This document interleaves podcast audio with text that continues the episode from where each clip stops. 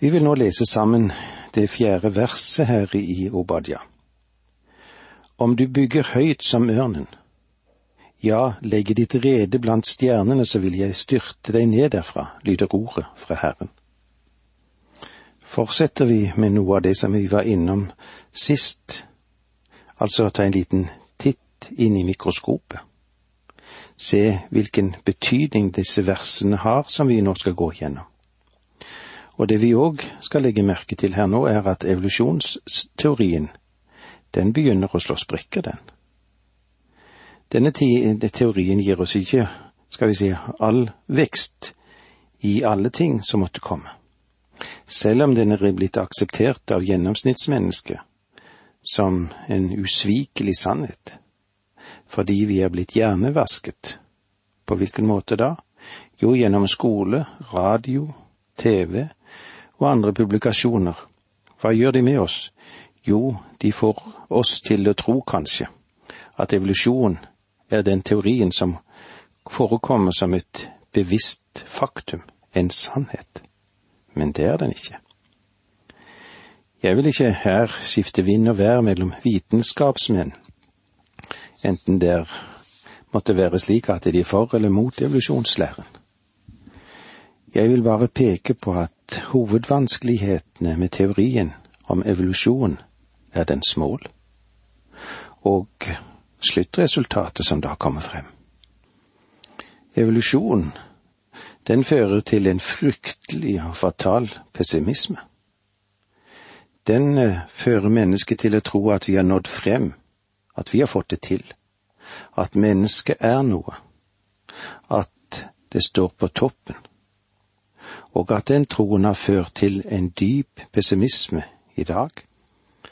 Og eh, denne pessimismen, den møter vi overalt i hele verden, i blant annet gjennom en økt selvmordsbølge, ikke bare blant, skal vi si, skikkelig voksne, men òg blant unge mennesker, og ikke minst blant unge menn. Det var Albert Einstein som kom med denne uttalelsen en gang. Det mennesket som ser på sitt eget liv og på sine med medskapningers liv som meningsløst, står ikke bare i en beklagelig situasjon, men er nesten diskvalifisert for å kunne leve. Dette er et vektig utsagn. Får jeg lov til å si at her beskrives ganske klart pessimismen, og det er en tenkning her som har med evolusjonsteorien å gjøre, og den er ikke uskyldig i dette. Men La meg få lov til å si vent et lite øyeblikk. Det overveldende og det utrolige er at denne lille Obadias bok er Guds mektige svar på evolusjon. Og det er årsaken til det han sa om Edom. Saken er at folket hadde rushet ned fra den høye plan der Gud hadde skapt dem. Han hadde skapt dem til samfunn med seg, ned til det plan der det ikke finnes noe avhengighetsforhold til Gud.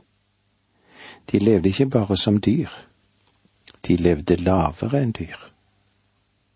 Og i vår, skal vi si såkalte opplyste tid, lever mange også lavere enn dyr. Dyrene ville aldri ha kommet på de grusomheter og slikt perverst levesett som mange mennesker lever under. Slik som de en gang levde i Edom, på Obadja sin tid lever mange mennesker fremdeles. Nei, mennesker har ikke dratt seg så langt fra dyreverden, det er så. Selv hvor store fremskritt mennesker har gjort, er de, en, er de fremdeles i stand til å synke lavere enn et dyr når de beslutter seg for å leve uten Gud. Husk at Gud sa til edomittene, om du bygger høyt som ørnen, ja, legger ditt rede blant stjernene, så vil jeg styrte deg ned derfra, lyder ordet fra Herren. Obadja fortsetter med å beskrive Edoms fullstendige ødeleggelse, og vi leser i vers fem. Om det kom tyver til deg eller røver om natten, og hvor du ble herjet, ville de da stjele mer enn de trengte? Om du hadde høstfolk i din vingård, ville de da ikke la det bli en etterhøst tilbake? Obadia sier at om en tyv kom for å stjele fra dem, ville de ta det de ønsket, men ville de ikke ta alt? Det ville også skje når høstfolkene samler inn grøden. De ville la noen druer bli igjen. Men Gud sa til Edom, Når jeg dømmer dere, skal ødeleggelsen være fullstendig. Vers seks å, hvor Esau er blitt ransaket, han skjulte skatter oppsporet. Dette er nøkkelverset til Obadja sin bok. Å, hvor Esau er blitt ransaket. Den hebraiske språkviteren Ginsburg oversetter det slik. Å, hvor Esau er blitt ribbet til skinnet. Gud har lagt Esau under mikroskop og innbyr oss til å se hvilke skjendigheter Edom egentlig foretar seg. For hovmodet er det ingen ende på. Det eksisterer. Det er der. Han skjulte skatter oppsporet. For å være ærlig så forsto jeg ikke dette helt når jeg leste det om Esau sin historie i første Mosebok men om jeg hadde glippet noe i dette, så går jeg ikke glipp av dette her. Nå kan jeg ta mikroskop og gå tilbake og se på Esau, og se hva han egentlig ønsket da han byttet bort sin førstefødselsrett for en tallerkensuppe. Den enkle grunnen var at denne førstefødselsretten betydde at han, at han måtte være prest i sin familie, og det ville bety et fellesskap med Gud og saken er at Esau ville heller ha en kopp med suppe enn at han ville ha fellesskap med Gud. Og når du er på det stadiet, da har du sunket ned til gjørmen i svinenes verden.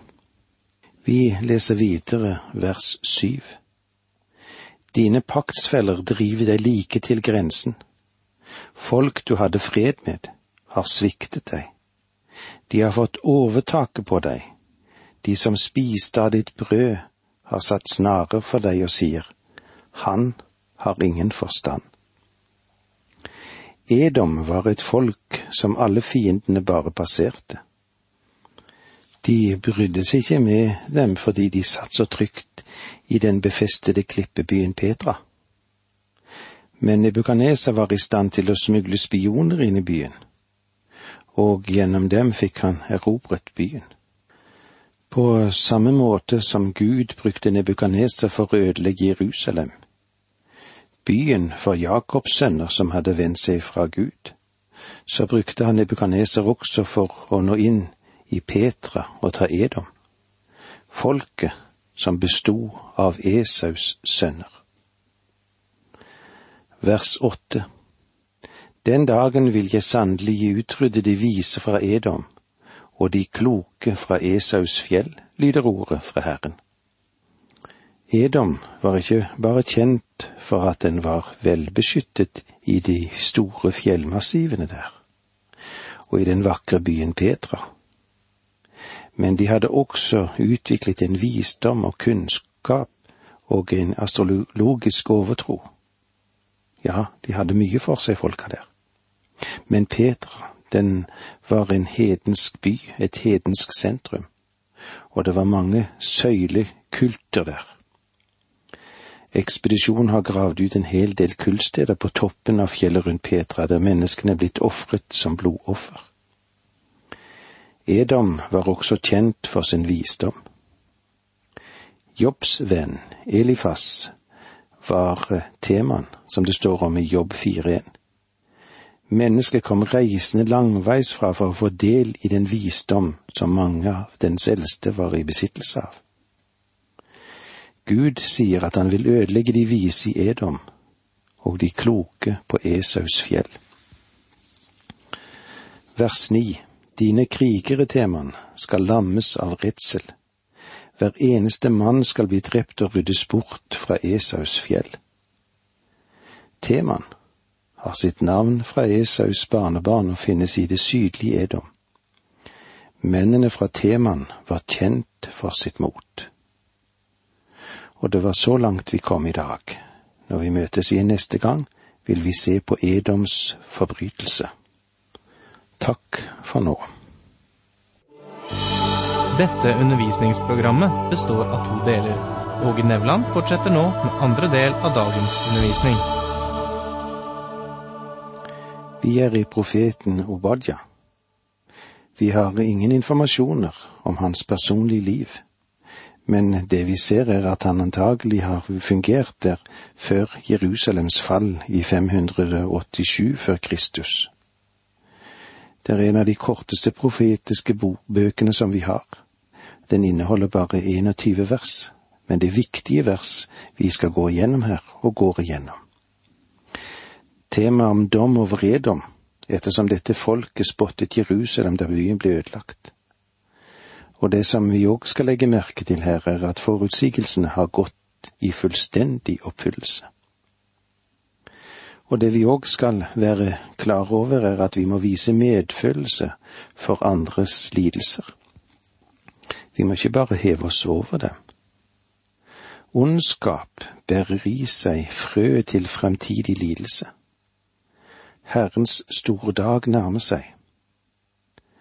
Den kommer med gjengjeldelse over alle dem som har satt, satt seg opp mot Guds rike. Herren kommer tilbake.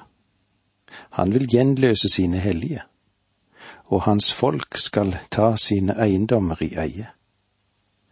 Det store spørsmålet er vi som Guds arvinger har inntatt arven vår. Lykkelig dag når Herren oppretter sitt rike og vi skal få lov til å regjere sammen med ham. I versene 10 til og med 14 regner Obadja opp en rekke grunner til at Gud vil ødelegge Edom. Hovmod i livet, har vi allerede sagt. Det var deres store synd. Men eh, det, den førte også til andre synder. Hovmod er en holdning, men det er en holdning som du ikke kan skjule så veldig lenge. Den bryter igjennom omtrent som kreft kan bryte igjennom, fordi den er så veldig sterk. Den har en drivkraft i seg, og den har drivkraften i seg til å ødelegge et menneske. Din livsfilosofi vil gradvis arbeide seg frem gjennom dine fingrer, gjennom føttene dine, gjennom øynene dine og gjennom alle de sanser som du har. Du vil på et eller annet vis uttrykke denne filosofien. Er den uten gudstro, vil også et gudløst liv bryte gjennom. Er du gudfryktig, så vil du gjerne leve et gudfryktig liv. Det som følger som en naturlig konsekvens av alt dette som vi nå har vært innom og derfor vil nå Hobadia klart beskrive de skremmende synder som sprang frem fra Edoms sitt hovmod. Du må nå huske på at Esau og Jakob, de var brødre. De var tvillinger. De var ikke eneggede tvillinger, men de var den sterke motsetningen til dette. De vokste opp i den samme familie, og de hadde samme far og mor og det var strid mellom dem helt fra begynnelsen av. Det var et hat og en bitterhet som aldri egentlig ble helet.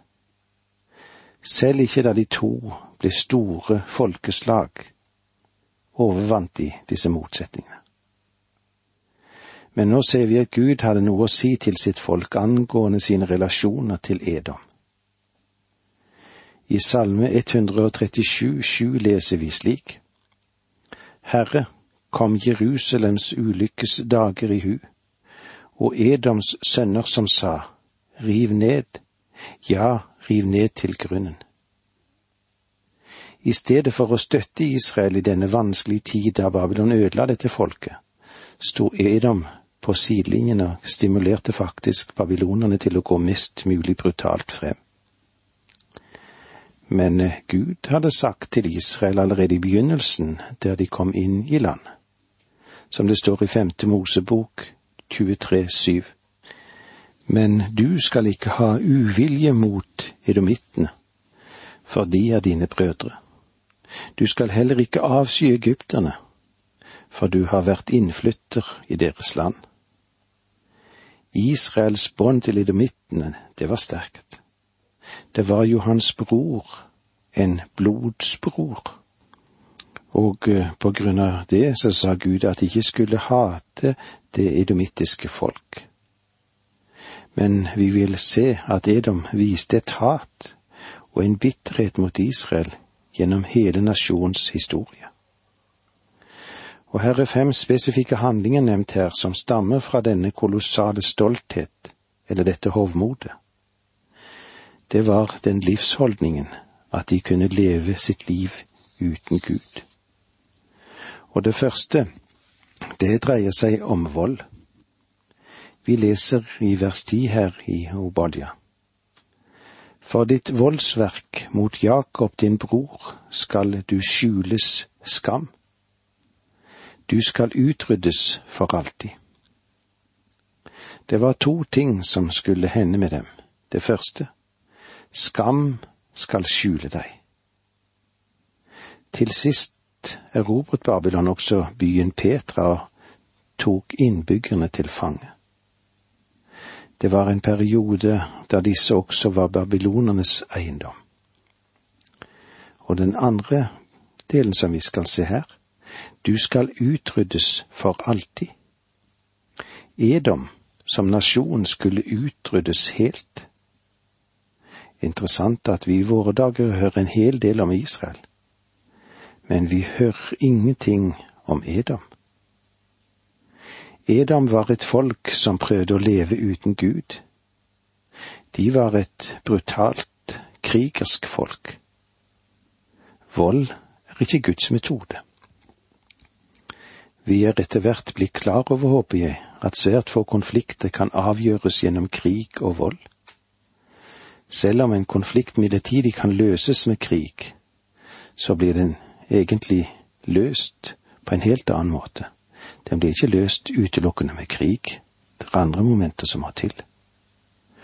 Den andre anklagen mot Edom er at de sluttet seg til Israels fiender. Vers 11. Den dagen du holdt deg borte, den dagen fremmed røvet hans gods, da utlendinger gikk inn i hans port og kastet lodd om Jerusalem, da var også du som en av dem i stedet for å forsøke å forsone seg med Israel og komme dem til hjelp, dette folket som de var så nær i slekt til, så sluttet de seg til den motsatte siden og var en del av den brutale fiendeflokken som invaderte landet. Vers tolv Du skulle ikke ha sett med fryd på din bror da ulykken rammet ham ikke gledet deg over judeerne den dagen de gikk til grunne, og ikke brukt så store ord den tid de var i nød. De gledet seg over de vanskeligheten Juda var kommet inn i. Skadefryd fører alltid til stolthetens yngel. Når du hører om noen som gleder seg over vanskeligheter som et annet menneske har, så kan du være sikker på at du lytter til noen som er ganske hovmodige. Hovmod er noe Gud avskyr. Idumittenes fjerde hjerteløse handling dreier seg om å ta krigsbytte. Da leser vi vers 13. Du skulle ikke ha trengt inn i porten til mitt folk på ulykkesdagen. Du skulle slett ikke ha gledet deg over det de led på ulykkesdagen og ikke strakt hånden ut for å ta deres rikdom på ulykkesdagen. De sluttet seg ikke bare til Israels fiender, men de var selv med på å tok krigsbytte og plyndret Israel, etter at fienden hadde ført israelitten i fangenskap. Det er nesten ikke til å tro hva hovmod kan få et menneske til å gjøre av fryktelige ting. En av dem er å stjele det som ikke er ditt. Mangt et menneske for å holde seg på toppen i forretningsverden, eller for å holde seg på høyde med sine venner, vil ta til uærlige metoder. Mer og mer oppdager vi til vår forskrekkelse at vårt samfunn er gjennomsyret av uhederlighet. Hva er vårt problem? Vel, selve grunnproblemet er hovmod. Det stolte mennesket som lever atskilt fra Gud, vil drive inn i slike forhold. Bibelen er fremdeles den beste boken i psykologi. Den går ned til selve grunnproblemene i menneskehjertet. La oss glemme mye av den forunderlige psykologiseringen som foregår i vårt samfunn, og la oss komme oss tilbake igjen til Guds ord. Du hadde kanskje ikke tenkt deg at det var så mye i denne lille boken som Obadja har gitt oss, at du skulle finne selve roten til det som fører til nasjonenes selvødeleggelse, hovmod. Denne livsholdning er høyrøstet og prangende, den deklarerer sin egen sang og sin evne til å leve uten Gud, men det vil gå galt til slutt. Det var så langt vi kom i dag. Takk for nå, må Gud være med deg.